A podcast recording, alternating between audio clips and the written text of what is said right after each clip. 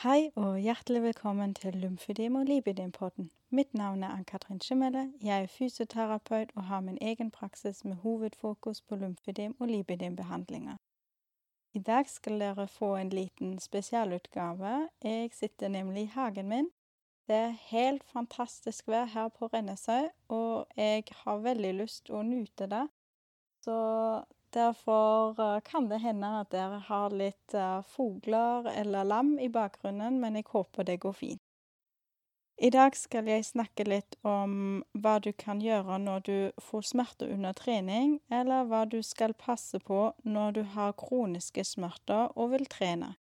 Jeg skal snakke litt generelt om smerter, men også utdype litt hva det betyr for deg som har lymfødem eller lipødem.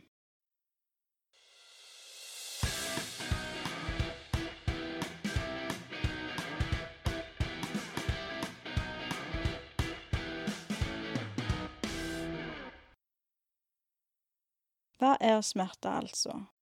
Smerter er et ubehagelig sanseinntrykk og følelse som blir knyttet til en reell eller en truende vevskade.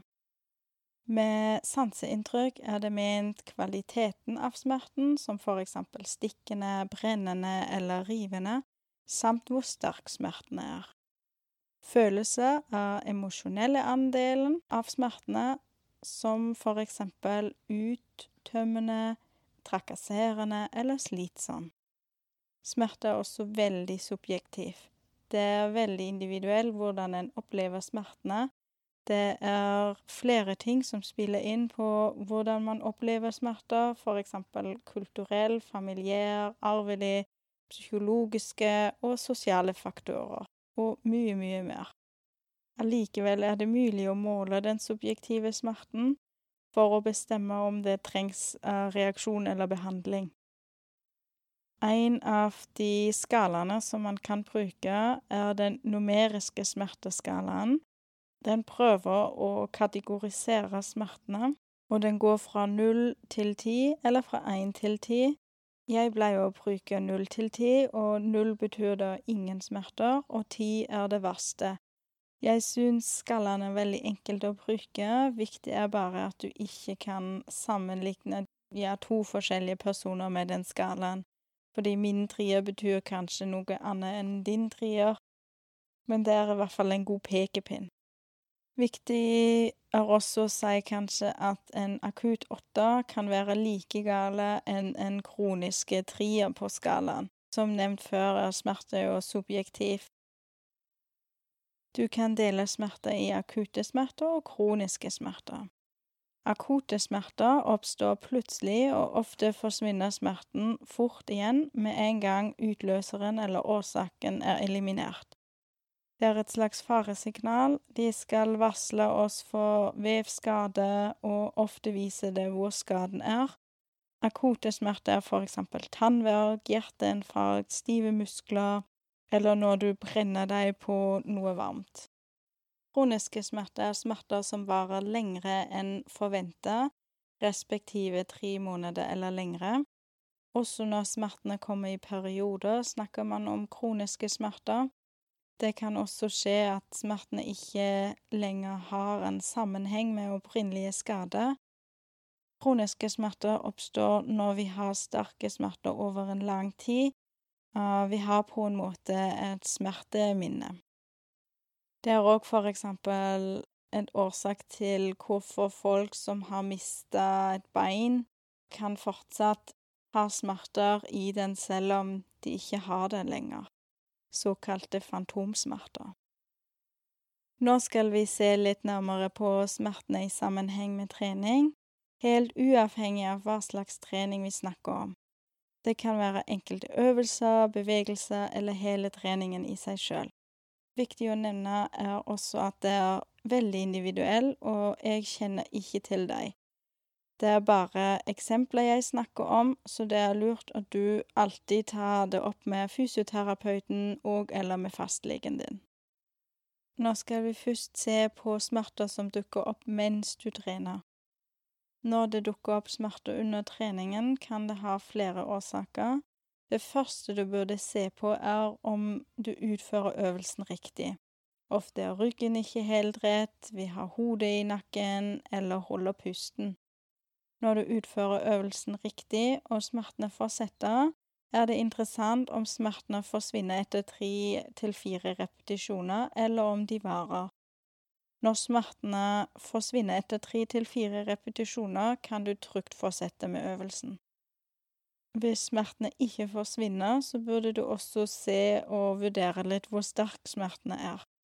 Når vi tenker på den numeriske smerteskalaen, så kan du vanligvis fortsette med treningen så lenge smertene er under fire til fem. Når smertene ikke forsvinner etter tre til fire repetisjoner og eller er høyere enn en firer-femmer på skalaen, så er det lurt at du avbryter øvelsen og fortsetter med en annen.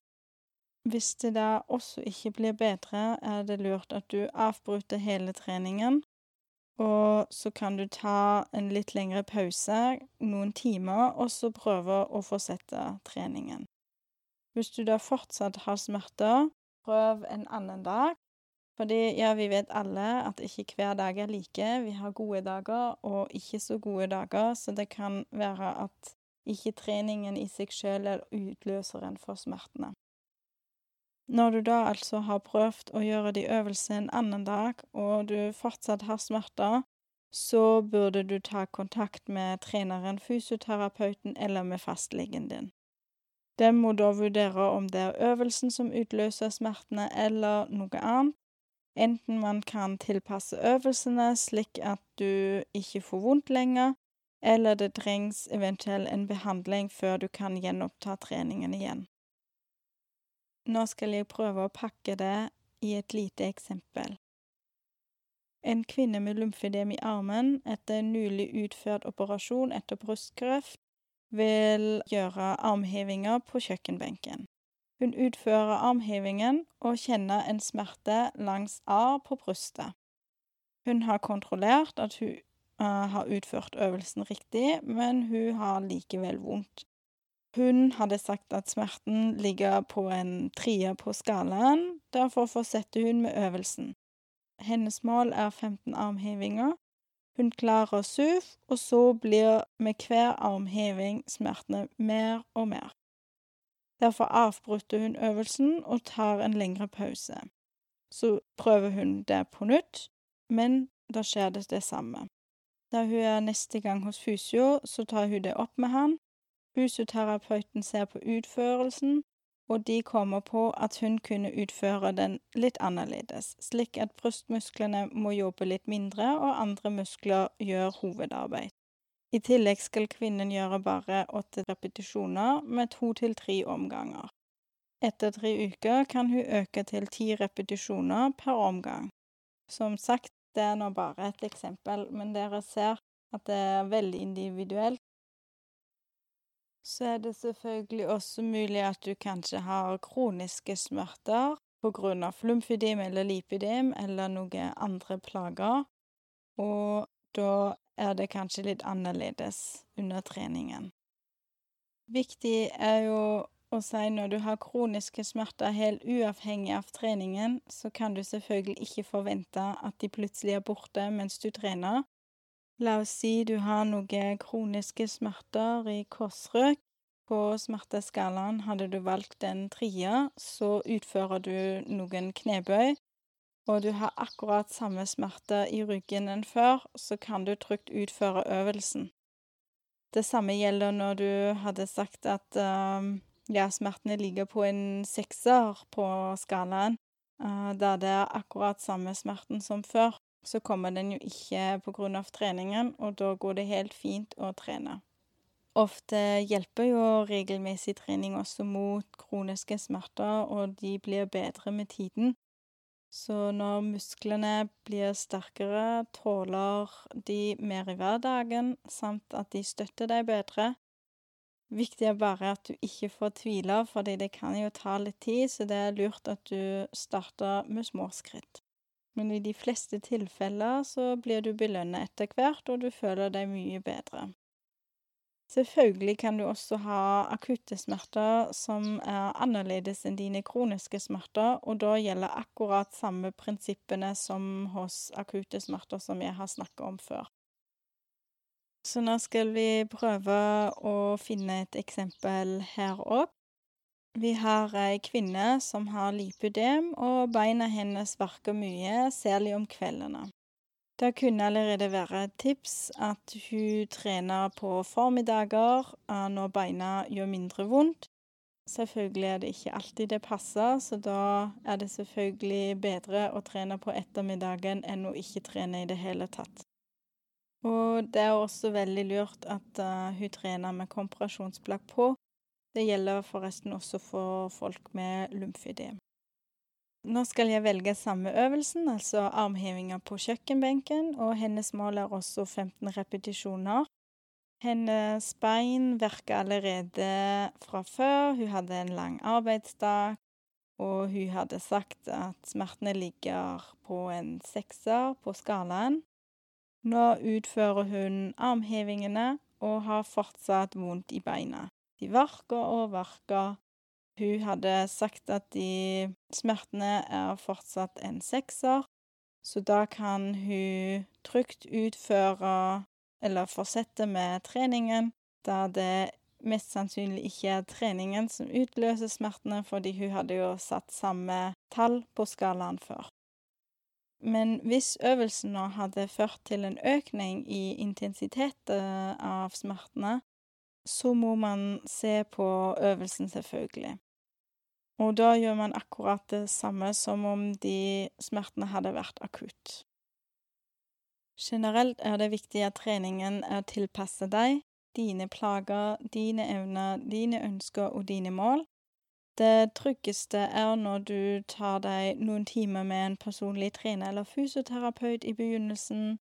Dere utarbeider en treningsplan sammen, trener kanskje én-to ganger sammen for å se om de valgte øvelser fungerer, og så kan du trene aleine. Og da vet du hva du må passe på, hvordan øvelsen skulle bli utført, og om eventuelle smerter som kan dukke opp underveis. I tillegg anbefaler jeg deg at du trener som sagt med kompresjonsplagg på.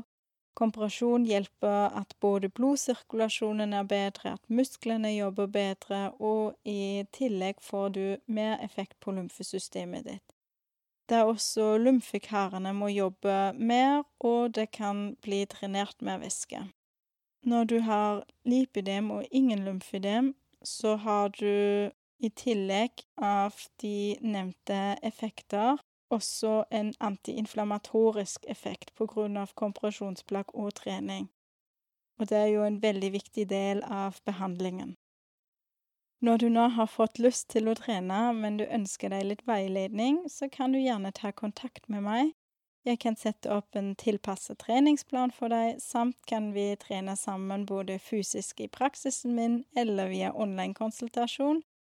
For å få mer informasjon så kan du sende en e-post til fysiosannes.gmail.com. Jeg takker for at dere var med i dag. Jeg håper lyden var ikke altfor grusomt. Jeg eh, syns det var kjempekoselig. Som sagt, nå er det jo kjempevarmt, i hvert fall her hos oss i Stavanger. Så derfor gjerne sjekk episode tre, 'Kompresjon om sommeren'. I den episoden gir jeg litt tips og triks hvordan du kan gjøre livet med kompresjon litt lettere. Du skulle jo også kunne kose deg i det fine været nå. Når du har et spørsmål til episoden i dag, eller generelt, så kan du skrive en mail til lumf.li.podkast.krøllalfa.gmail.com. Gjerne kom med innspill og ønsker til neste episodene.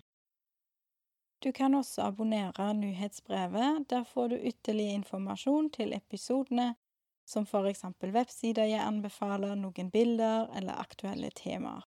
Du kan melde deg inn på hjemmesiden min akskimmele.com. Under fanen lymfødem og lipødem finner du nyhetsbrevet samt ytterligere informasjon om sykdommene. Du finner podkasten også på Facebook og Instagram, så der heter han Lymfødem og lipødempodden. Der deler jeg også websider, videoer eller andre spennende ting som er relatert til lymfødem og Lipidem. Jeg ønsker dere en fin dag videre og håper at dere er med på neste gang også.